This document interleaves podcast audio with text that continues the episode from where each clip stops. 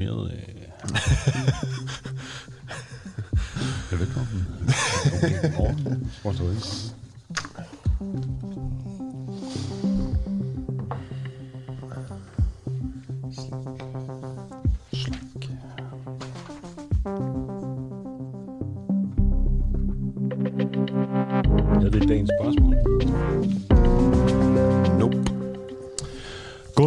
Klokken er syv. Det er blevet mandag, og øh, i dag i studiet sidder jeg, Adam Dreves og Nima Samani. Lige præcis. Godmorgen til dig, Godmorgen. og godmorgen til lytterne.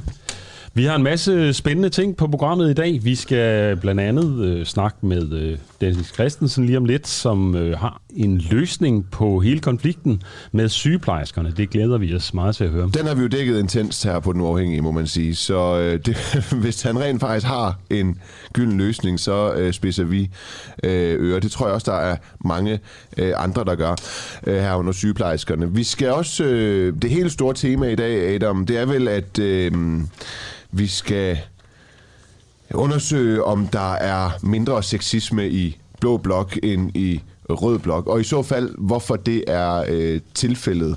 Øhm, I sidste uge, der talte vi jo med en øh, borgerlig debattør, der havde skrevet en klumme om, at øh, der i blå blok er en tendens til, at man bruger øh, sexisme-sager eller MeToo som et øh, fast track. Altså så at sige, at, øh, der også, at det også skulle være ens betydende med, at der ikke er så mange øh, sexisme-sager i blå blok. Men vi vil undersøge, om det virkelig kan øh, passe. Vi skal blandt andet tale med øh, øh Camilla Sø, Ja, Camilla Sø, som jo sammen med Sille Hall Eholm skrev denne her, øh, øh, det her debatindlæg i Weekendavisen, hvor de spørger, hvorfor de blå partier ikke har haft nogen sager med sexisme. Og hun mener jo blandt andet, at øh, der mangler vi øh, taget et opgør, altså lavet en ekstern og uvildig undersøgelse i flere af de borgerlige partier.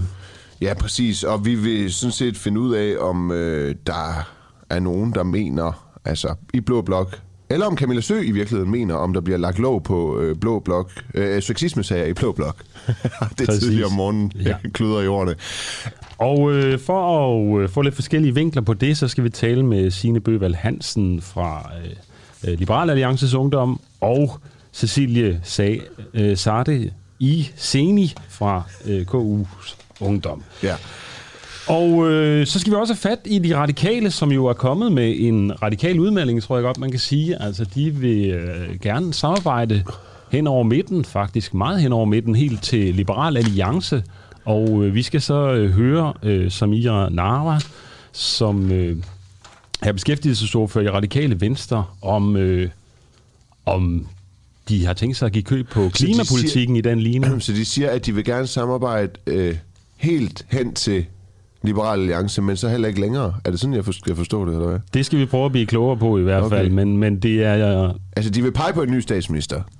Ja, Ja. de flytter med blå blok, kan okay. man sige. De, det går jo ikke så godt i meningsmålingerne for øh, radikale, og øh, de er meget utilfredse med Socialdemokratiets udlændingepolitik, og spørgsmålet om det bliver bedre, hvis de rykker over til højre. Så det er altså Liberal Alliance og Radikale Venstre, der klarer sig historisk dårligt i meningsmålingerne, der nu slår sig sammen. Det er sådan en slags fusionering af to øh, kommende taberpartier, hvis man skal være helt grov. Ja, hvis man skal være lidt grov, så, så kan man øh, sige det på den måde, Ja. at øh, de har jo noget til fælles på det punkt i hvert fald. Ja, helt klart. Og om de har andet til fælles, det skal vi så finde ud af lidt senere. Men øh, først skal vi tale med Dennis Christensen, tidligere øh, forbands, øh, forbundsformand i FOA, som jo har en, øh, en løsning. Øh, og vi spørger ham, er der en enkelt løsning på sygeplejens konflikt? Fordi det var jo her i lørdags, at øh, omkring 5.350 sygeplejersker gik i strejke. Og øh, det har påvirket sygehuse i hele landet. Nu skal vi høre, hvad øh, Dennis Christensen har at sige til det. Godmorgen, Dennis. Godmorgen. Så du har en helt konkret løsning på sygeplejerskernes konflikt. Hvad er det, politikerne konkret skal gøre? Ej, det er måske så ikke sagt, når nu de er kommet i konflikt, men, men grundlæggende det her med, at vi tilbagevendende vil se konflikter, der handler om, at kvindefag vil have samme løn som mandefag, det tror jeg i virkeligheden, der er en reel mulighed for at gøre noget ved, hvis man har viljen. Altså jeg tænker, der, der er tre ting, der skal gøres. Der skal nogle penge på bordet, så overenskomstparterne kan forhandle målrettet at hæve kvindefag. så skal vi have en uh, særlig mekanisme, der er lidt teknik i det, men en særlig mekanisme, der gør, at vi ikke ser det her problem opstå igen. Altså at halter det ene køn bagefter det andet, uh, statistisk set på lønnen, jamen så skal der fyldes op uh, ved overenskomstfornyelser særskilt til dem.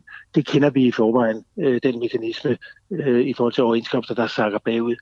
Og så, så har vi så... endelig brug for, øh, det, hvor de har taget tredje ting, så har vi brug for, at øh, ligelønsloven, som taler om det her med, at øh, man skal give samme løn for arbejde af samme værdi, at det ikke kun er noget, der står på papir, men vi rent faktisk også kan bruge det. Vi får nogle redskaber til, hvordan sammenligner vi eksempelvis mekanikeren, der reparerer din mors bil, med øh, sosuren eller sygeplejersken, der øh, yder pleje og omsorg til din mor ja. på et plejehjem. Og det er jo meget komplekst, øh, har vi blandt ja, andet fået bekræftet flere steder fra her i sidste uge. Så du mener altså, at øh, politikerne skal, skal hæve lønnen for kvindefagene i den offentlige sektor? Øh, de skal op på niveau med mændene, er det det, du siger? Ja, altså forstå på den måde, at øh, jeg tror, at den der parole om at få øh, ændret tjenestemandsreformen i 1969, den giver ikke så meget mening, fordi det var bare en afspejling af den ulige løn, der fandtes i samfundet på det tidspunkt. Problemet er jo 70-100 år ældre.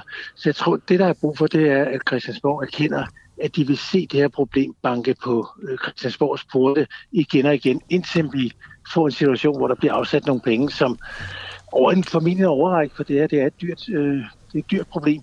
Og en overrække giver parterne mulighed for at forhandle særskilt lønløft til de lavest lønnede kvindefag, eller til de kvindefag, der har de højeste eller største forskelle over til mandefag, man kan sammenligne den med. Okay. Så politikerne skal faktisk gribe ind nu, mener du?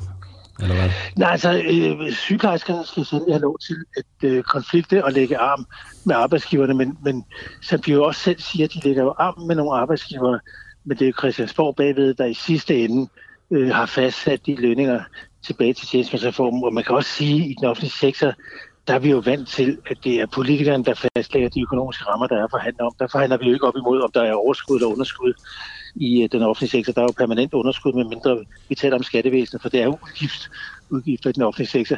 Så vi er jo op imod, hvad vil politikerne lade den offentlige sektor stige med, når de skal forhandle løn med os.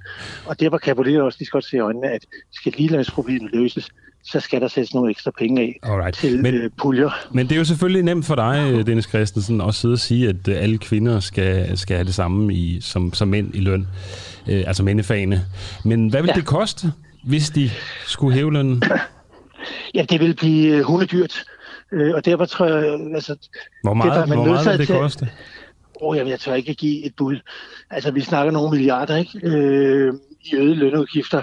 Øh, og Men altså, derfor mener, tror jeg, man skal erkende, at det er over en overrække, at det skal kunne, kunne gennemføres. Til gengæld kan du altså vende det her spørgsmål om at sige, ja, hvor meget vil det koste? Du kan også formulere det til, hvor meget har staten sparet på at give kvinderne lavere lønninger i årtier? Øh, og var det ikke på tide, vi gjorde noget ved det og stoppede med den besparelse, på, øh, som er rent kønsbestemt. Mm. Men altså, det er jo nemt nok at sidde som udforstående og sige, at uh, kvinderne ja. bare skal have lige så meget i løn som, som indefagene. Men altså, hvad vil det konkret koste? Ja, vi har ikke noget øh, milliardbeløb på det, for det forudsætter, at vi får en, en ordentlig afdækning af øh, ligelønsproblemets omfang. Men det vi ved, det er jo, at når vi sammenligner nogle fag med andre fag, så kan vi se, at forskellen kan være ganske stor. Når vi ser på de statistikker, der findes øh, over den generelle øh, lønudvikling, det kunne være EU's øh, ligelønsstatistikker, så er gabet, det man kalder løngabet mellem mandefag og kvindefag, øh, blevet lidt mindre gennem årene, men det er stadigvæk stort, så det er, det er øh, milliarder, vi snakker om. Der findes men hvis jo... vi spreder det ud over en overrække, så, så skal vi kunne løfte den opgave. Altså, professor Bo Sandemos Rasmussen, han øh, har regnet ud, med visse forbehold dog, at hvis kvindefagene skal på niveau med mandefagene, så vil det samlet set koste staten mellem 15 til 20 milliarder kroner om året. Ja. Og øh, hvor skal de penge komme fra? Ja, der siger Bo Sandemann så i virkeligheden, vi har som skatteyder i årtier sparet 15-20 milliarder om året på at give øh, de kvinder, der arbejder i den offentlige sektor med levende mennesker, øh, lavere løn end de mænd, der arbejder med døde ting i den private sektor. Det er, jo, det er jo i virkeligheden også en måde at anskue det her på. Og vil vi som samfund være bekendt, øh, synes vi det er anstændigt at fortsætte med at øh, have den besparelse. Jeg tror i virkeligheden, at vi jo ser et, et øh, begyndende kvindeoprør. Vi har set det omkring MeToo, øh, og, og vi vil se det også på lønsiden. Altså moderne lønmodtagere vil simpelthen ikke acceptere, at det alene er det køn, de bliver født med, der afgør, om de får den høje løn eller den lave løn. Og det, det vil være dyrt for os som skatteyder, ligesom klimaproblemernes løsning vil være dyrt, men det er en opgave, der man ikke kan, kan lægge til side. Man kan ikke gå udenom, man kan ikke springe over den. Dennis Christensen, natten til lørdag, der gik øh, 5.350 sygeplejersker som bekendt i, øh, i strække. Og øh, noget af det, de har appelleret til, det er, at de vil have øh, gang i trepartsforhandlinger. Er det, er det det, jeg også hører dig sige, at, øh, at der skal til? Ja, altså noget af det, øh, den del, der handler om at få lagt den langsigtede plan, og derefter, så er det overenskomstparterne, der skal, øh, når de får en puljestillelse til rådighed, så skal de til at forhandle, hvilke grupper handler det om, hvor stort er efterslæbet for de enkelte grupper, hvor skal hvilke kroner anvendes, og så er det Folketinget, der skal løse det, jeg nævnte som det, det sidste element det her med, at vi får nogle redskaber i ligelønsloven, der gør, at vi rent faktisk men, kan føre men, sager. Men et argument for, at der ikke skal være øh, øh, trepartsforhandlinger, det er, at der pt. i fagbevægelsen ikke er opbakning til det. Ja, altså du tænker på, at der vil være en række fag, som ikke ønsker øh, at diskutere ja. ligeløn, eller ikke ja. mener, at der er ulige løn. Ja. ja, det er rigtigt, og det er jo historisk øh, noget, vi kender til. Nu var sygeplejerskerne sammen med FOA og pædagogerne i konflikt i 2008, ja. og det var jo udtryk for, at der dengang var øh, faggrupper, akademikerne, øh, lærerne og andre grupper. Så hvis, der ikke, men, så hvis der var... jeg så, så spørger til dig, øh, altså spørger, øh, hvad, hvad du som øh, tidligere forbundsformand øh, i, i FOA tænker er en realistisk løsning, hvis der nu i fagbevægelsen ikke er opbakning til det, øh, og politikerne øh, sådan set heller ikke er interesseret i det, er det så ikke, øh, ligger det ikke langt væk? Er det ikke utopisk med, med trepartsforhandlinger, eller hvad tænker du? Jo, altså, hvis, hvis kombinationen af, at der er mandefag, typiske mandefag, der siger, at det vil vi ikke snakke om, fordi ja. det kan betyde, at vi øh, får en lavere lønudvikling, end vi ellers ville have haft. Øh, og det er samtidig i Folketinget, der ikke har lyst til at røre ved en varm kartoffel som det her. Så er du ret i, at så kan det jo have lange udsigter. Så får vi til gengæld udsigten til, at vi med jævnere mellemrum, og jeg tror, det bliver med, med kortere og kortere mellemrum, vil opleve konflikter, hvor kvinderne siger, at det kan simpelthen ikke passe at det alene er vores køn, der afgør, at hvor, det, der står på vores lønseddel, er mindre end det, der står på de typiske mandefags lønseddel. Så jeg tror, det er, det er nu, øh, vi skal gøre noget ved det. Øh, og vi skal indse, at det ikke er noget, der lige kan gøres med sådan et knips med fingrene. Men, men ved en trepartsforhandling kunne lægge en langsigtet plan, øh, og dermed også, at Folketinget siger, at vi, vi ved godt, at vi skal bidrage, og overenskomstpartnerne skal bidrage, men Folketinget skal via skattekassen også bidrage. Så, så har vi mulighed for at lave en løsning, men, men det kræver selvfølgelig, at resten af fagbevægelsen anerkender, at der er et øh, ligelønsproblem. Og okay. det ved de jo sådan set godt. Det handler jo mere ja. om, at de øh, kan se, at deres egne grupper øh, har en større interesse i, at der ikke bliver gjort ja, noget ved det. det er jo det. det er jo det. Dennis Christensen, du er tidligere formand for øh, forbundsformand i FOA. Ta- tusind tak, fordi du var med. Selv tak.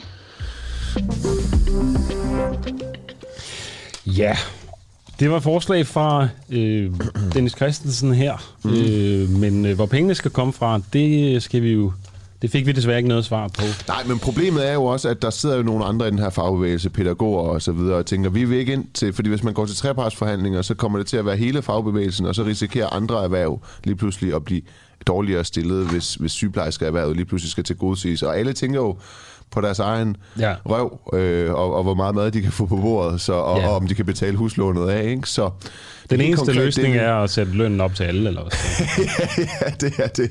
Det er den, det er den, det er den eneste løsning af dem. Nej, det ved jeg sgu ikke. Jeg ved, det ved jeg ikke. Har du øh, kigget lidt ud over aviserne i dag? Øh, fordi jeg har en øh, spændende nyhed i forlængelse af af øh, sygehus, sygeplejerskekonflikten ja. her. Altså for eksempel i Silkeborg Kommune har man øh, efter forhandlinger med Dansk Sygeplejeråd, mm. Kreds Midtjylland, besluttet at aflyse strækken, altså i Silkeborg Kommune, fordi det nødberedskab, der skulle sættes ind øh, i stedet for det normale beredskab, det vil faktisk overstige. Der vil være flere på arbejde end den normale behandling. Nå, okay. Så der simpelthen ikke er, der er ikke personale nok til at indsætte et nødberedskab. Okay. Så nødberedskabet er faktisk større. Nej, det, det, det, det er det faktisk ikke. Men det er fordi, normalt så indsætter man vikar. Der er ja, mange vikarer på ja. hele tiden, og ja. vikar må ikke deltage, når der er der er strække. Men altså, det siger jo noget om, hvor, hvor mange... Øh, hvor øh, mange sygeplejersker, der mangler i virkeligheden som fastansættelser. Det samme sker i øh, Odense Kommune. Og øh, i Dansk øh, ja, i Dansk Sygeplejeråds afdeling i Midtjylland er kredsformand Anja Laversen frustreret over udfaldet. Hun siger, at det viser, at der er så få sygeplejersker ansat i Silkeborg Kommune, at det ikke engang er muligt at strække. I Odense Kommune er antallet af sygeplejersker, der strækker i kommunen, skåret ned fra 200 til 25, og det er sket i samråd med Dansk Sygeplejeråd. Og så skal du høre her. Den new zealandske vægtløfter Laurel Hubbard bliver første transkønnet OL-atlet, og Det må jo antages at være her til sommer i uh, Tokyo. Det er en øh, uh, 43-årig transkønnet vægtløfter, der har fremvist testosteronniveau, der holder sig inden for grænserne, som den internationale olympiske komité uh, har opsat. Og så opfylder det jo alle kriterier for uh, transkønnede uh, atleter. Så øhm, Det er lidt sjovt, ikke? Fordi...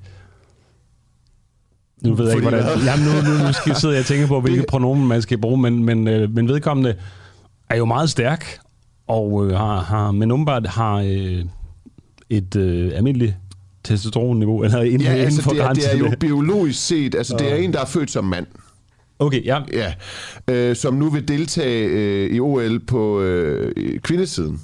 Og der skal man så være på et bestemt testosteronniveau, for at øh, det er øh, okay. Så man har simpelthen sat testosteronniveauer på henholdsvis mande- og kvindediscipliner, for så at se, hvor, og hvor man ligger, om man så kan være Ja. transkønnet og begå sig inden for det. Der var, det. Det hele var jo i debat på et tidspunkt, hvor VM i håndbold for kvinder, der havde Australien vist en stregspiller, som biologisk set var en mand, øh, og så dermed var meget stærkere end, øh, end alle de andre. Der gik den ikke. Men øh, ja.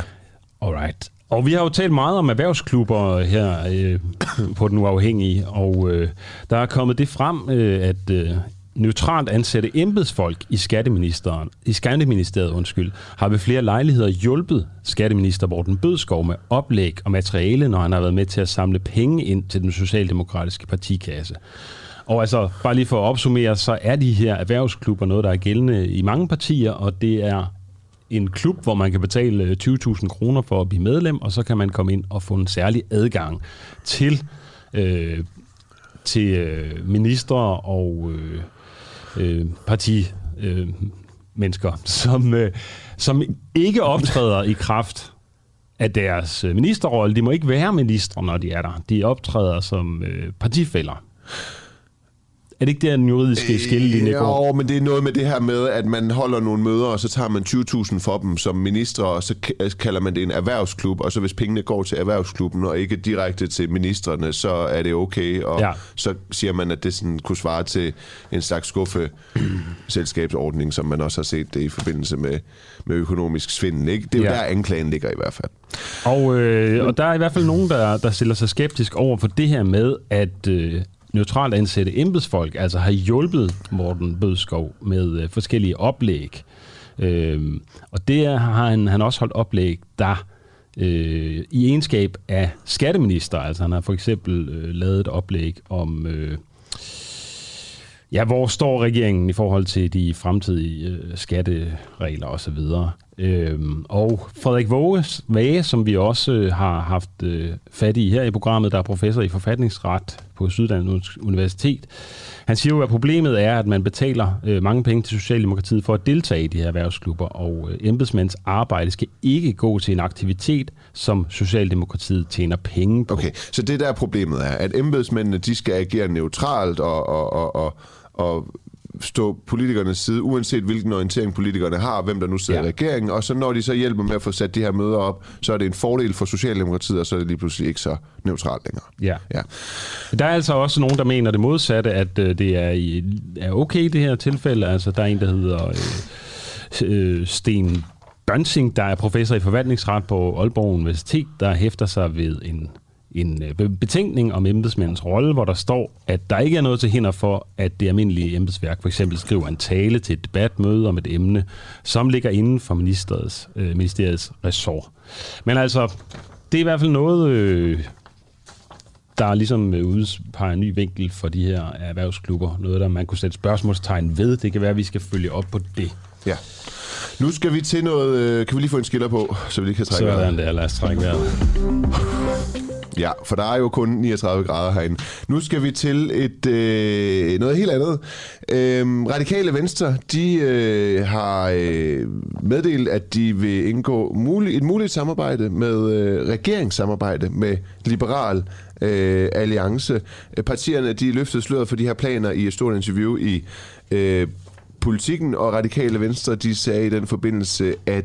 Øh, eller undskyld, Alex Varnuslav, formand for Liberal Alliance, sagde i den her forbindelse, at radikale venstre bare skal sluge nogle kameler, hvis det her øh, regeringssamarbejde skal fungere mellem de to øh, partier, der egentlig lige pt. er på hver sin side af den politiske skala. Radikale Venstre, de støtter øh, en rød regering, og øh, Liberal Alliance støtter en øh, blå. Men det betyder altså, at Radikale Venstre, de øh, åbner op for at støtte en øh, blå regering. Og Samir Narva, du er beskæftigelsesordfører for Radikale Venstre. Er du med? Ja, godmorgen. Velkommen til. Godmorgen. Hvilken øh, statsminister peger I så på nu? Ja, men øh, så sort-hvidt kan det ikke bare sådan lige, eller blot rødt, kan det ikke bare sådan lige gøres op. De, øh, de samtaler, som Sofie Carsten Nielsen og vi radikale venstre åbner op for nu, det er jo, at der er en række samarbejdsflader med forskellige partier, vi har et fint samarbejde lige nu med Socialdemokratiet, SF og Enhedslisten, men der er altså også nogle steder, hvor vi øh, lidt løber panden mod en mur, og det er jo for eksempel på beskæftigelsesområdet, på det økonomiske, hvor vi rigtig gerne vil have nogle større reformer, hvor vi sikrer, at der er mennesker nok i økonomien til at sikre vores velfærd. Øh, og der ser vi bare nogle samarbejdsflader med nogle, nogle andre partier, og det glæder mig da, at Liberal Alliance så også åbner op for, at, at det sagtens kunne være en mulighed. Okay. Og i virkeligheden så er det jo også det, som hvad kan man sige, Lars Lykkes projekt med, med det nye parti, Moderaterne, går ud på, altså at samle nogle kræfter over midten om det, man nu engang kan blive enige om. Men hvis øh, et regering, hvad vil et regeringssamarbejde med Liberal Alliance så betyde? Vil det ikke betyde, at I vil komme til at pege på en øh, blå statsminister? Jo, jeg kan nok ikke lige se, øh, se for mig, at, øh, at det, skulle, det skulle gå anderledes for sig, øh, sådan lige pt, sådan som politik er, øh, er skåret op. Men, men det men omvendt så betyder det jo også bare for os i Radikale Venstre, at der vil være nogle ting, hvor man kan samarbejde med øh, de traditionelt blå partier, og andre ja. ting, hvor man kan samarbejde med de traditionelt røde partier. Ja. Og, og måske er det bare tid til et opbrud i dansk politik, øh, som, som man måske også kunne se for sig noget af det, som, øh, som Lars Løkke han løftede øh, sløret for i valgkampen, eller luftede nogle tanker omkring. Altså et, et helt bredere samarbejde med, med V og S. Altså der er jo mange konstellationer, hvis man endelig skal i gang med bogstavlejene, men i virkeligheden er det jo ikke så meget det, der er interessant interessant, ikke for mig i hvert fald.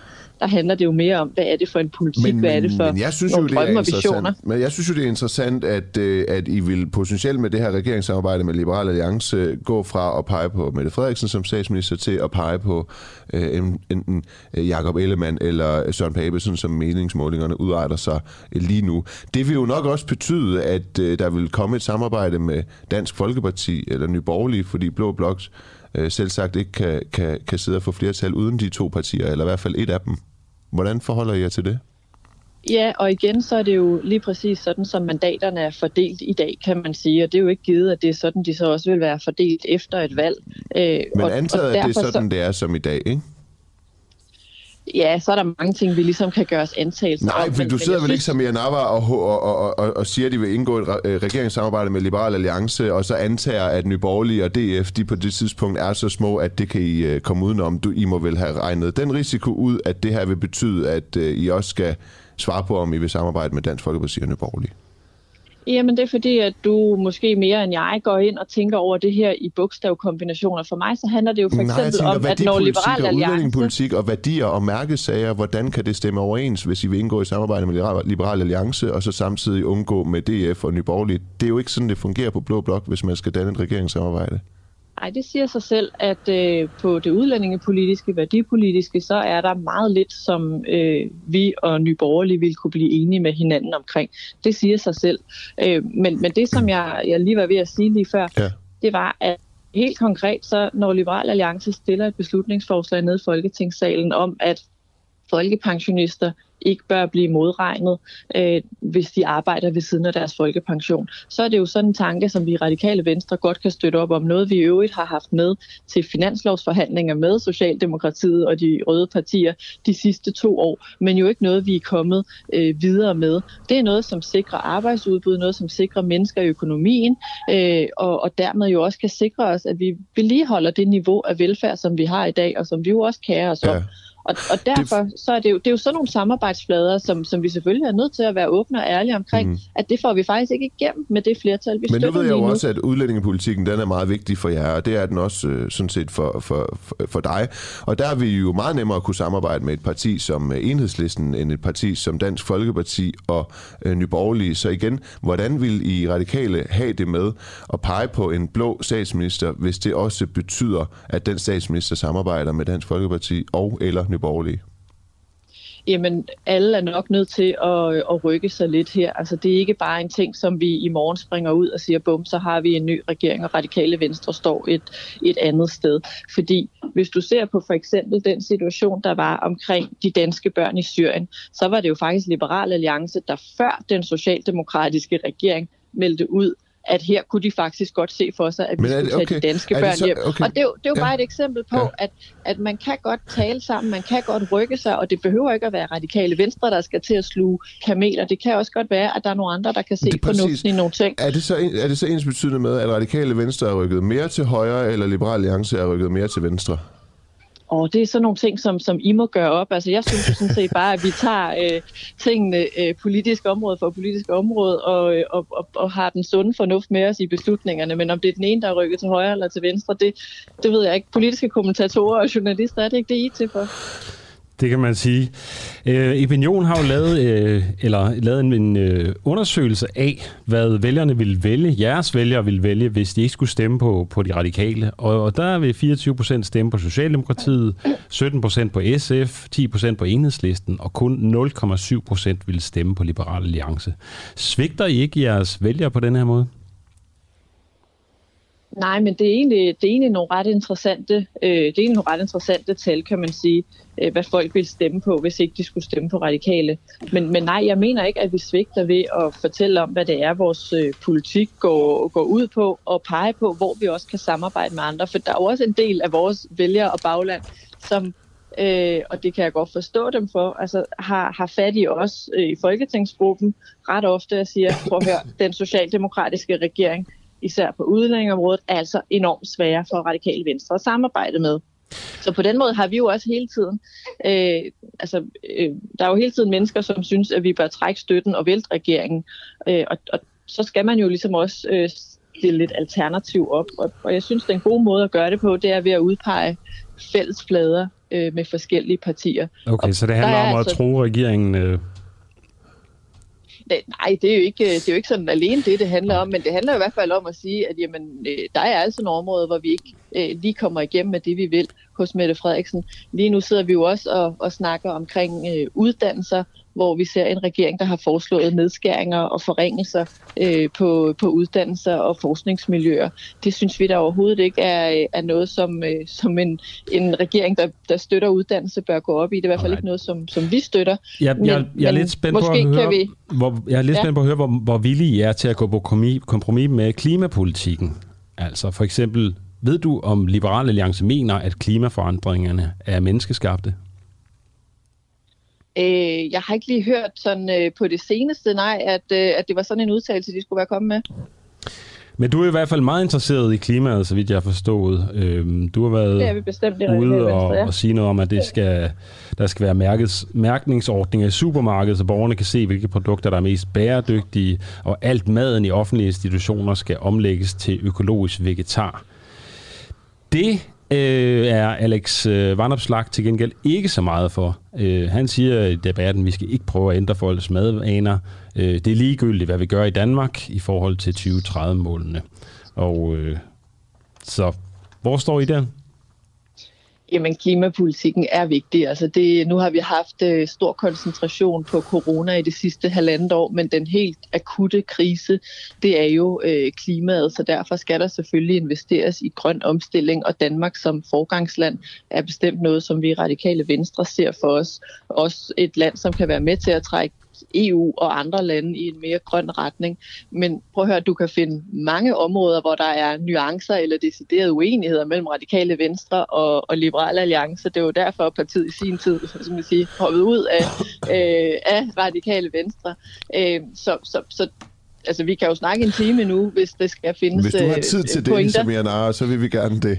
ja, jeg har også nogle børn, der skal afleveres ja, i skole. Men prøv at høre, du, to meget, meget korte og hurtige spørgsmål til sidst, så får du lov til at øh, slippe. Radikale øh, Venstre peger på Jakob Ellemann som ny statsminister. Sandt eller falsk? Nej, det er falsk lige nu. Vi støtter Mette Frederiksen, ikke?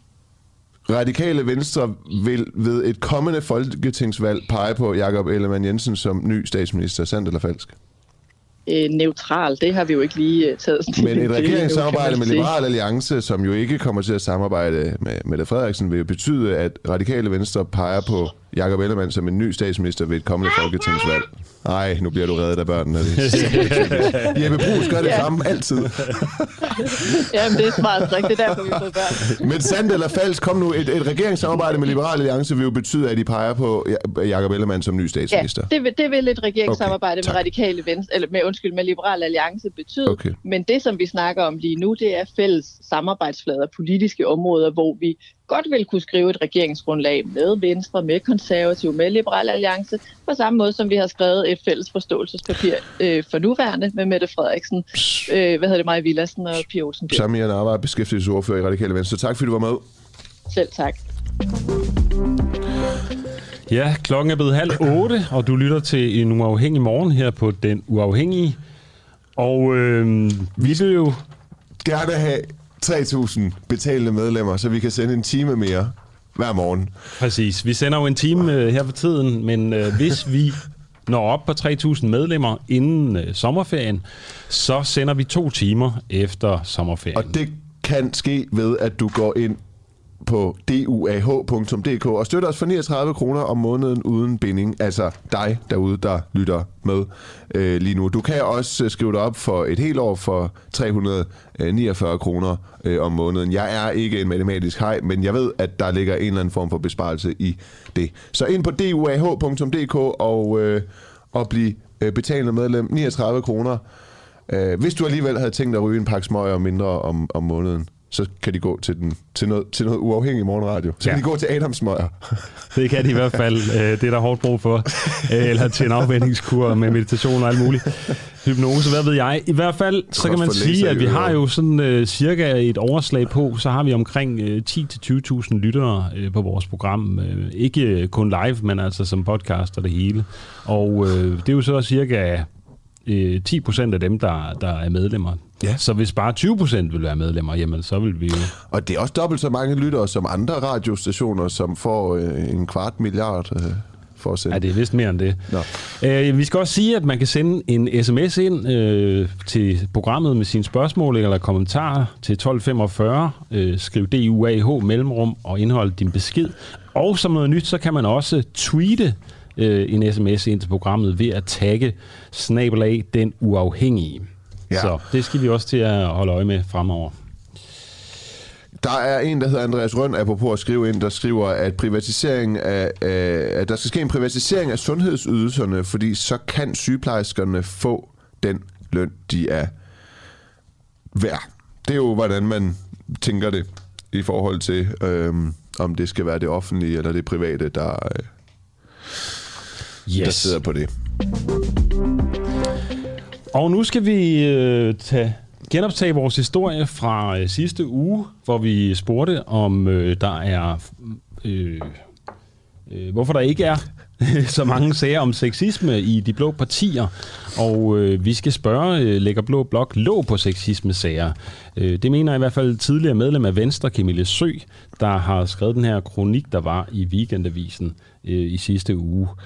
Øh, hun mener, det er tid til at tage opgør med sexisme og seksuelle krænkelser, som man har taget i Blå Blok. Det skriver i den her kronik, der hedder Mens vi venter på den blå MeToo. Vi talte sidste uge med øh, Astrid Johanne Hø, som er kommunikationsmedarbejder for Nye Borgerlige og øh, debattør. Og øh, hun mener ikke, der er brug for et opgør. Prøv en gang at høre. Ja, er det ikke på tide, vi får ryddet op over hele linjen, ikke kun på venstrefløjen? Ja, men altså, det forholder jeg mig egentlig ikke til i mit debatindlæg. Nej, altså, men nu spørger jeg dig bare. Ja, hvis du spørger mig nu, så mener jeg, at det er op til den enkelte leder at vurdere, om der skal laves en undersøgelse. Fordi det er ikke, sådan, det, er ikke det, jeg synes er interessant. Jeg synes mere, det er interessant, hvorfor ønsker man en undersøgelse? Hvad ønsker man at bruge den til? Hvorfor skulle Ja. man ikke ønske en undersøgelse? Det, det kan jeg ikke forstå. Hvorfor, hvor, hvor, Det- er, er, er du bange for, at der kommer noget op til overfladen, eller mener du, at det er fordi, man prøver at tvinge noget, der ikke er op til overfladen, eller hvad? Øhm, jeg er ikke bange for, at der kommer noget op til overfladen. Altså, så vil jeg ikke vurdere, om det er rigtigt eller forkert at lave en undersøgelse i de specifikke partier. Det må lederen ligesom afgøre. Men hvad Øhm, nu, hvis det er lederen, der ligesom sidder på magten, og det, er- ja, det er jo dem, der sidder på magten, hvis det nu er dem, der er krænkerne, øh, hvad med alle dem, der sådan er på gulvet, eller hvis de ikke, øh, hvis de mener, at der er en masse sager, der, der, der skal frem, og lederen så siger, ah, der er ikke noget problem, bare, øh, det, vi kører videre. Ja, men altså, så, så kan man sagtens argumentere for det. Altså, som sagt, det er ikke det, jeg går mest op i. Jeg går mest op i, altså, det her med, at du spurgte også til det lidt før, ikke? Altså, det er jo fordi, der mangler lige nu offer i Blå Blok, der står frem. Det er derfor, der ikke ruller noget. Så kan man lave en undersøgelse, og så, øh, så sælger man ikke noget op, og så kan man stadig påvise, at der er et problem, og så kan vi have hele den samme selvrensagelse, som de har på venstrefløjen, og der kan rulle en masse hoveder. Øhm, og ja, så det er det, der vil komme til at ske. Og det er du ikke Øh, så- interesseret i, at der bliver ryddet op? Altså, Altså, jeg er, jeg er helt neutral, forstået på den måde, at jeg, altså, jeg er egentlig sådan ligeglad om, øh, om de her undersøgelser bliver lavet eller ej. Jeg har ikke nogen aktie i det. jeg tænder. Ja, vi skal tale med Camilla Sø. Godmorgen. Godmorgen. Du er forhandmærende medlem af Venstres Ungdom og initiativtager til det her hashtag En blandt os. Fortæl os en gang, om øh, ligger Blå Blok låg på sexisme-sager? Altså, jeg ved ikke, om de lægger låg på sager, de kender til, men, men der har i hvert fald ikke været foretaget de undersøgelser, som, øh, som den kronik, der var tilbage i september, blandt andet lagde op til øh, at få lavet, så man kender omfanget øh, af de sager, der måtte være. Okay. Kender du øh, til sexisme-sager i Blå Blok, som ikke har været afdækket? Hvis jeg gjorde, så ville jeg i hvert fald ikke øh, sidde og afsløre det her i radioen. Altså, det er jo klart, når, øh, når der kommer en, en forside og en kronik, øh, som samler 322 kvinder på tværs af de politiske skæld, øhm, så vil der være sager også på den blå side af hegnet. Der var også enormt mange underskrivere fra Blå Blok. Så, så selvfølgelig skulle det undre mig, hvis der ikke var sager, øhm, som ikke er kommet frem. Men, men derfra så til at sige, at øh, de ikke bliver undersøgt internt i partiet, det ved jeg simpelthen ikke. Men er det ikke det, der er hovedpointen i din kronik her? Altså, at øh, de blå partier ikke foretager sådan en omfattende intern øh, undersøgelse, eller en ekstern uvildig undersøgelse. Er det ikke det, der er problemet?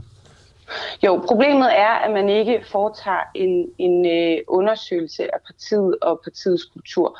Og det er der egentlig flere grunde til. Det ene er, at øh, det er jo lidt vigtigt at vide, hvor de her øh, hvad skal man sige, øh, hændelser finder sted. Nu viste det sig i Socialdemokratiet, at der var en 63 øh, sager, øh, og det havde været under corona, og der kan man jo så undre sig over, hvordan det kan lykkes folk at være krænkende, øh, når ens sociale øh, aktiviteter er øh, på et minimum. Men det er jo meget godt at vide, hvor de her ting finder sted, hvis man skal skabe de kanaler, som er de, er de rette for, at vi kan komme godt videre. Det er det ene. Det andet er, man er jo også nødt til som ledelse at finde ud af, hvorfor er det, at de her fortrinsvis kvinder ikke vælger at henvende sig til ledelsen. Hvorfor er det, de har en større tillid til mig eller nogle af de andre, eller det at skrive under på et Google Docs-dokument, end at gå til deres ledelse? Og så det sidste, hvis der render seriekrænkere rundt øh, i mit eget parti eller i andre af de blå partier, så bliver vi jo selvfølgelig nødt til at vide, hvem de er, så det kan håndteres og sanktioneres, hvis der er tale om øh, hvad skal man sige, enten nogen, der gør det så hyppigt, som vi så det i Frank Jensens tilfælde, eller i meget grove tilfælde, skal det jo selvfølgelig også øh, have en konsekvens. Øhm, og der er en af hovedpointerne, at hvis man som ledelse er proaktiv og går ind i det her, så slipper man i høj grad, tror jeg, for at sagerne øh, udfolder sig i pressen.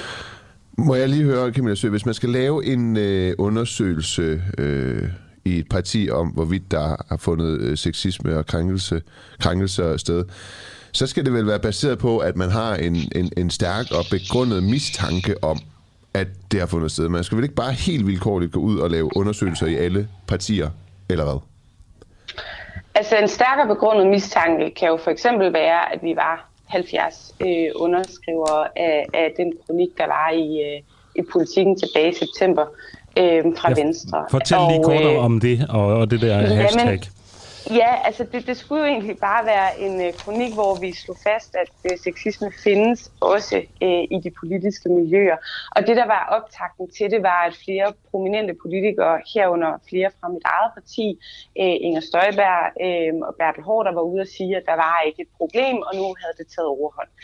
Øh, og det voksede i løbet af meget, meget få dage, var der øh, både øh, en masse vidnesbyrd, som vidnede både om altså, verbale seksuelle tilnærmelser, og så helt over i, hvad man vil øh, kategorisere som, som overgreb og voldtægt. Og øh, det endte så med øh, 322 øh, underskrifter og en forside på politikken, som jo også øh, gjorde, at der var en lang række prominente politikere, som tilkendegav, at der var et problem. At de godt vidste, at det havde fundet sted, øh, men nok var lidt chokeret over grovheden og omfanget af det her. Vi har jo afdækket, at øh, der på henholdsvis rød og blå blok kan være nogle forskellige definitioner eller opfattelser af krænkelser, mens de radikale venstre ser det som, ja, jeg ved godt, det ikke var kun var hånden, det også var håndteringen, men mens man i radikale ja. venstre alligevel gør et nummer ud af en hånd på låret fra Morten mm. Østergaard mod en, øh, en underordnet, så griner man af det øh, i, i, i Nyborgerlige. Hvad tænker du om, om, om det? Hvad tænker du er årsagen til, at der har været et opgør i rød blok, men ikke i blå blok, helt konkret? Jamen, årsagen i de radikale venstre ligger jo lige for. Altså, det, det er jo hyggeleriet, øh, at man går ud og laver 24 timer mod sexisme, kører kampagner på det. Der var jo deciderede kampagner også øh, under overskriften, skal vi holde kæft nu? Og når det så viser sig, at man har en formand, som jo ikke alene har placeret sine hænder steder, hvor de ikke skal placeres, men også har indtil flere personalesager i rygsækken, og at det ledelsesmæssigt ikke er håndteret på en ordentlig måde, jamen så kalder det på hyggeleri. Ja. Og det er jo sådan noget, som journalister rigtig, rigtig godt kan lide at beskæftige sig med. Øhm, så har vi jo så Frank Jensen, som jo øh, selv indrømmer, at han har krænket gennem 30 år, og øh, selvom alle kendte til julefrokostepisoden øh, tilbage fra 2011, så bliver han ved. Så, så der er jo selvfølgelig også noget kvantitet i de her sager. Øhm, og så tror jeg, at det handlede om, at øh, der var så stor en blodrus. Det kunne jeg også mærke fra nogle af de henvendelser, jeg fik, hvor det handlede om at trykteste nogle rygter, få nogle navne frem i gabestokken, og så var det ligesom øh, det er med på, Men fokus. hvorfor er det ikke sket på Blå Blok så? Det ved jeg simpelthen ikke. Øh, jeg, jeg har en, en teori om, at man som borgerlig kvinde ikke bryder sig om at være et offer. Og det er klart, at når du har øh, gør med en krænkelse, så skal der ligesom også være en, der er et offer for den her krænkelse. Og hele det narrativ, der ligger omkring det, øh, tror jeg ikke, at borgerlige kvinder har lyst til at tage på sig. Men, det tror jeg sådan set heller ikke, at røde kvinder har lyst men, til at tage men, på sig. Men, i, Ja, men hvad nu, ja. hvis, jeg afbryder lige her, men hvad nu hvis en borgerlig kvinde rent faktisk ikke mener, at der er nogen grund til at føle sig som et offer, fordi man får lagt en hånd på låret? Det kan jo også bare være, at man i Blå Blok er, har en anden definition af krænkelser. Det kan være, og det er helt klart ikke mig, der skal bære nogens historier frem. Altså det vil jeg godt slå fast med syvtommer, som hvis der er nogen, der ikke føler sig krænket, og jeg vil definere det som en krænkelse på min egen krop, så er det den øh, kvindes eget valg, om hun mener, hun er Kan det så ikke være, det bare det, der er tilfældet i Blå Blok? Det synes jeg vil øh, være et paradoks, når der var så mange tilkendegivelser tilbage i september. Øh, og når der var ja. en, en, et fælles opråb, der handlede om, at vi gerne ville have, det står i kronikken, godt finde frem til dig, men det står i kronikken, at en af de ting, vi appellerer til, det er en grundig undersøgelse i hvert parti. Så det er sådan set ikke noget, øh, jeg har opfundet til lejligheden. Det er øh, det, der var hele indløbet til den her debat i dansk politik. Alright. Jeg opsummerer lige. Den her, den her kronik, der var der 322 øh, politikere, der skrev under øh, på, at de har været udsat for krænkelser, og det var over det hele det politiske spektre, øh, også på højrefløjen. Øh, de krænkelser, hvordan er de defineret? Er det øh, lige fra et hår på låret, eller hånd på låret til, øh, til en sexistisk kommentar, eller er det også meget grove sager, eller er det måske ikke? Øhm, de øh, kvinder, som skrev under, de skrev under på, at de enten selv har været udsat for det, eller tilkendegiver, at øh, de ved, det eksisterer. Det var begge dele, og det handlede simpelthen om, at øh, kronikken jo bare skulle slå fast, at det eksisterer. Det var det, der var hele øh, diskussionen øh, frem mod, øh, mod den forside kom. Og vi har ikke defineret noget på forhånd. Altså, øh, det er jo et ledelsesmæssigt ansvar at definere, hvad er en krænkelse, hvad vil vi acceptere her, på fuldstændig samme måde som, at man har hjertestarter og brandalarm, så må man som ledelse også sætte sig ned og beslutte sig for, hvad er det for en kultur, vi gerne vil have okay. i vores virksomhed I, eller i vores parti. I, i, I mit manus står der faktisk her, at vores spørgsmål til dig, Camilla Sø, det var, ligger blå blok lå på sexisme-sager? Det har vi spurgt om. Fik, jamen, fik vi svar på det her til sidst? Det ved du ikke. Jamen, det ved jeg ikke, om, om du synes, at, øh, at det var et tilfredsstillende svar. Altså, jeg må bare konstatere, at de ting, der blev appelleret til tilbage i september, det er ikke opfyldt. Så hvis du, hvis du at det udleder, at de ligger lov på det, så kan man sige, ja, det gør de. Øhm, jeg ved ikke, om der er ledelser i Blå Blok, der har kendskab til sager, Nej. som de har besluttet sig for ikke okay. at håndtere. Det kan jeg simpelthen ikke sidde og udtale mig om. Det er klart, det er klart. Camilla Sø, du er foranværende medlem af Venstre Ungdom og initiativtager til hashtagget En blandt os. Tak fordi du var med. Tak for det. Vi har fået en øh, lytterkommentar som fra Erling Worm, som skriver, det kan være svært at stå frem i blå blok om sexisme, når ledende kvinder blåstempler et klap bag i, som øh, en lille flørt, man skal kunne tåle. Ja. Ja, det kan man sige. Det har Worm der ret i. Vi skal øh, tale med en... Øh, vi skal have mere af det her. Vi skal have mere af det her, ja. ja. Og det foregår igen i Blå Blok, stadigvæk i ungdomspartierne. Vi skal tale med øh, Signe Bøval Hansen, som øh, overtog formandsposten i Liberal Alliance øh, Ungdom, i kølvandet på anklager om, at flere medlemmer i LAU, altså Liberal Alliance Ungdom, havde begået seksuelle overgreb. Hun har efter eget udsagn, øh, Adam, øh, stået for et opgør i partiet og konsekvent øh, forvist flere øh, medlemmer. Signe Bøval, øh, medlemmer for tidligere formand af LAU Ungdom. Velkommen til. Tak skal du have. Øh, mangler Blå Blok at tage et opgør med sexisme og seksuelle krænkelser?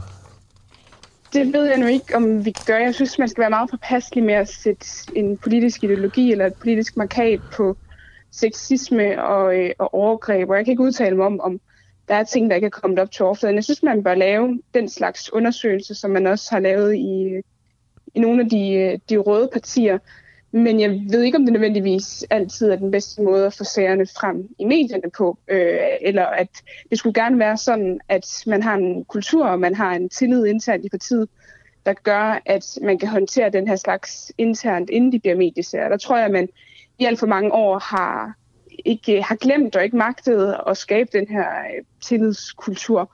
Og det har jo så ført til, at sagerne er kommet op i, i medierne, som ja. vi så også oplevede i, i mit ungdomsparti. Øhm, men, men, men det optimale ville da være, hvis de ikke kom frem i medierne, hvis man ikke skulle stille sig frem som, øh, som offer, men man i stedet kunne regne med, at ens øh, leder og ens parti håndterede det her, øh, de her slags sager internt. Hvor mange medlemmer i øh, LA Ungdom, mens du var formand for kvinde, øh, forviste du på grund af potentiale? Øh, under, da jeg var formand, så, øh, så smed vi fem, fem medlemmer ud.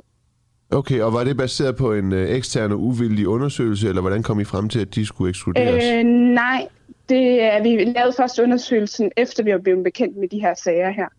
Men øh, det var på baggrund af nogle kvinder, som havde indsamlet deres øh, vidnesbyrd omkring seksuelle krænkelser, som vi så efterfølgende håndterede individuelt de her sager. Okay. Er så her i foråret blevet foretaget en undersøgelse af alle ungdomspartier, hvor man afdækker de her problemer. Jeg var med til at øh, og, og svare på nogle af spørgsmålene, inden jeg gik af som formand, men jeg tror, undersøgelsesresultater er kommet jeg, frem her. Jeg skal bare lige høre helt konkret. Er der blevet ja. lavet en ekstern og uvildig undersøgelse om seksuelle krænkelser i Liberal Alliances Ungdom? Ja, det gjorde øh, Sex og Samfund og Børns Vilkår og DUF i samarbejde med ungdomspartierne. Og, og i, hvordan med så bare øh, almindelig Liberal Alliance, altså ikke Ungdomspartiet? Øh, nej, der er det meget bekendt ikke blevet lavet en, øh, en undersøgelse. Okay, okay. Må, jeg, må jeg vil lige høre, de her fem øh, personer, I forviste, øh, hvad, havde, ja. hvad, havde, hvad, hvad, hvad drejede sagerne sig om? Jamen, flere af sagerne var ret grove, og, øh, og drejede sig om ting, der mindede om, øh, om, øh, om voldtægt. Det var øh, straffesager, flere af dem. Okay. Øh, I 2019, der kom det frem, at... Øh, nå, det var, meldte I dem så til politiet? Øh, det blev meldt til politiet af pigerne. Altså, de sager, der handlede om strafbare ja, forhold. okay. I 2019 der kom det frem, at mindreårige unge piger og kvinder i Liberale Alliance Ungdom, de havde oplevet forskellige grader af seksuelle overgreb i partiet. Øh, det kunne være, ja, som sagt, alt fra sexikane til, til voldtægt. Og sagen den fik ja. partiet til øh, at vrage daværende formand Karl Andersen. Mm. Han er jo folketingskandidat for Liberale Alliance nu, så han er avanceret, siden han blev vraget for det her. Jeg ved godt, det ikke er, er dig, der står til ansvar for det, men ved du, hvordan det kan være?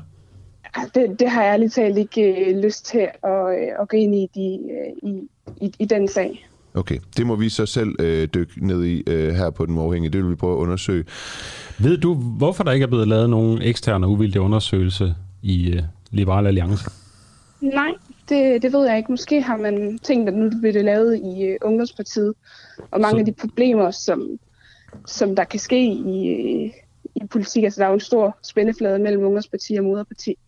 Men, øh, men jeg ved ikke, hvorfor man ikke har lavet det i, øh, i LA eller de andre borgerlige partier. Synes du, det vil være en god idé at lave sådan en undersøgelse i Liberale Alliance?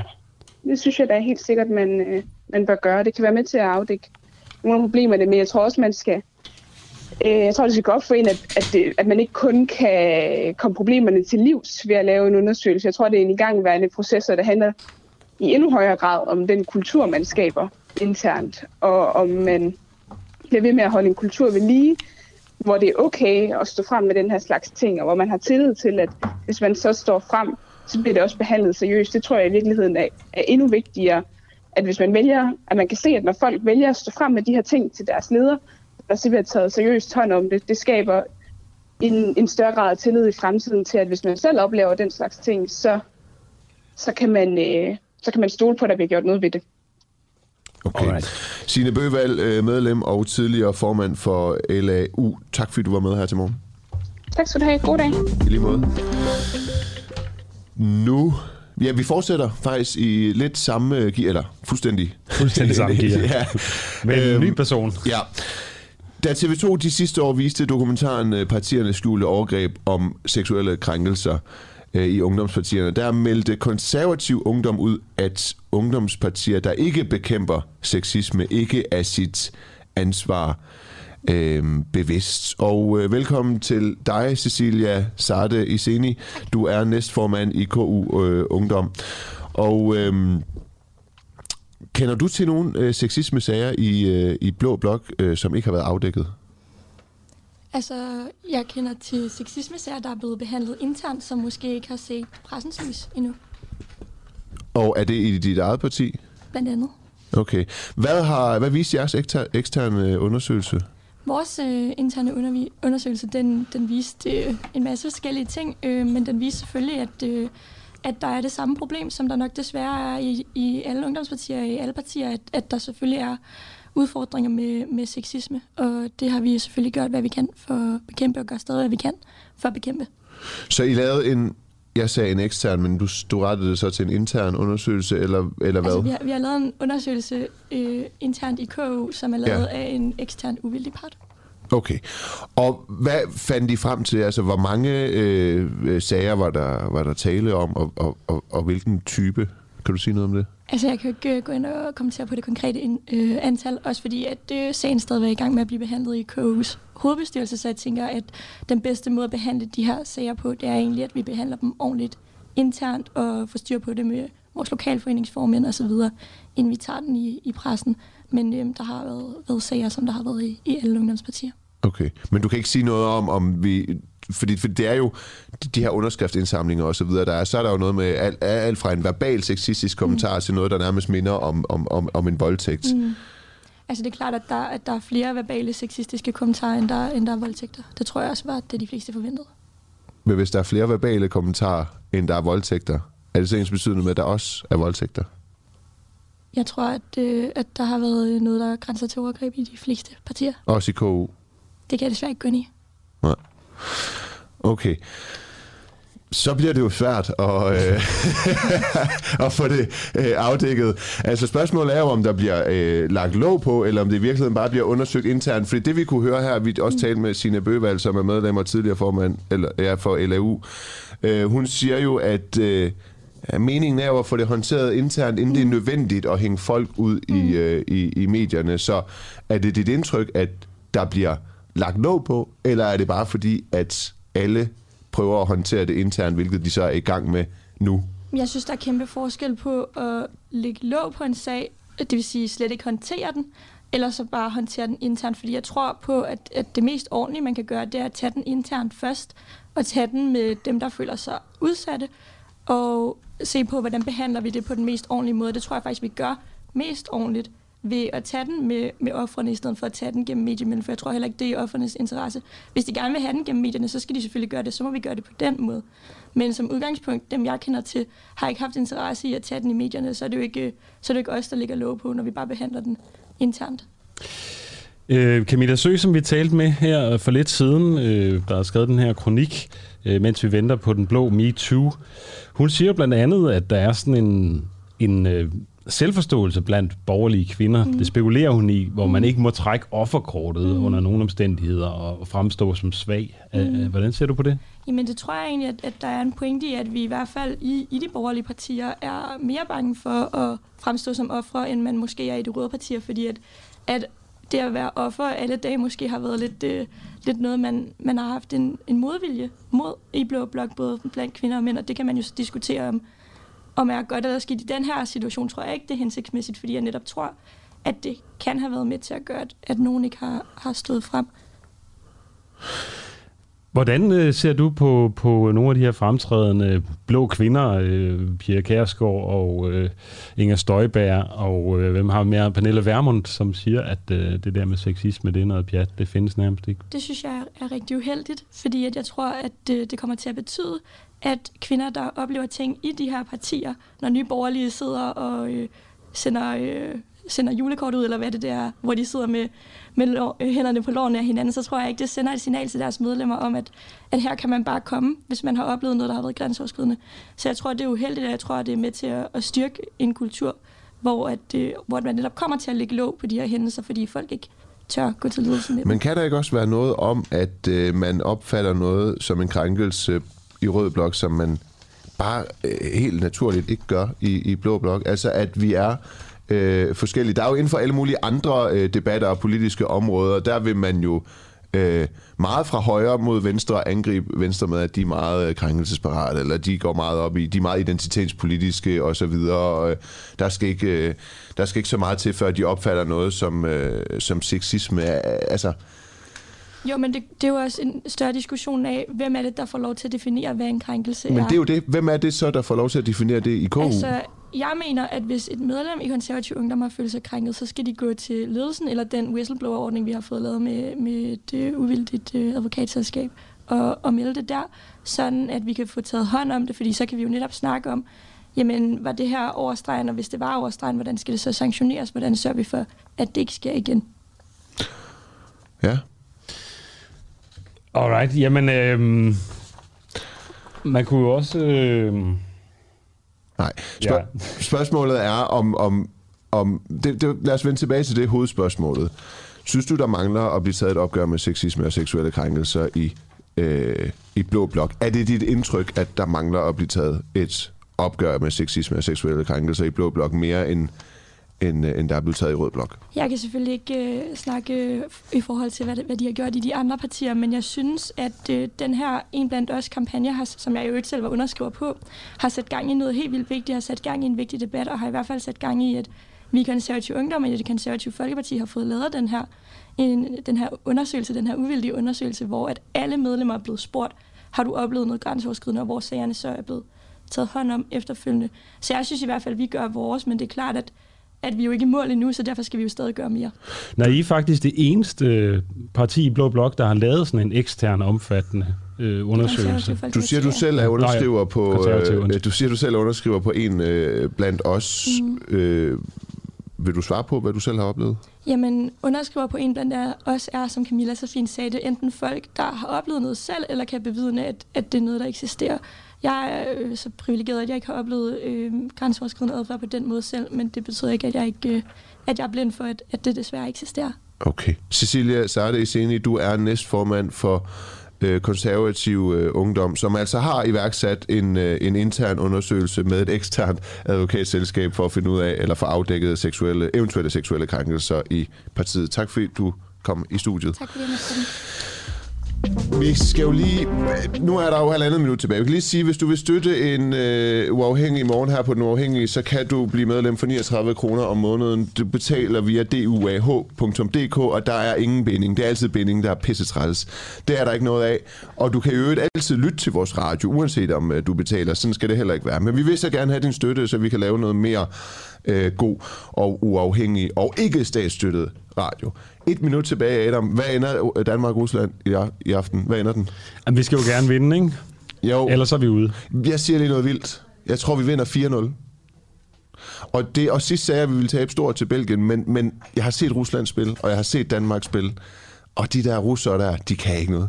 Nej. Det er så kedeligt. Så... Øh, Lad os håbe, du får ret. Ja, 4-0 og 3-0, og så går vi, øh, og så går vi videre. Ja. Ja, vi skal til at slutte af for i dag. Dagens hold har været Rikke Romme og Nikolaj Jul, og øh, mit navn er Adam Dreves. Og mit navn det er Nima Zamani. Vi ses igen i morgen klokken 7. Oh. Fortsat god morgen.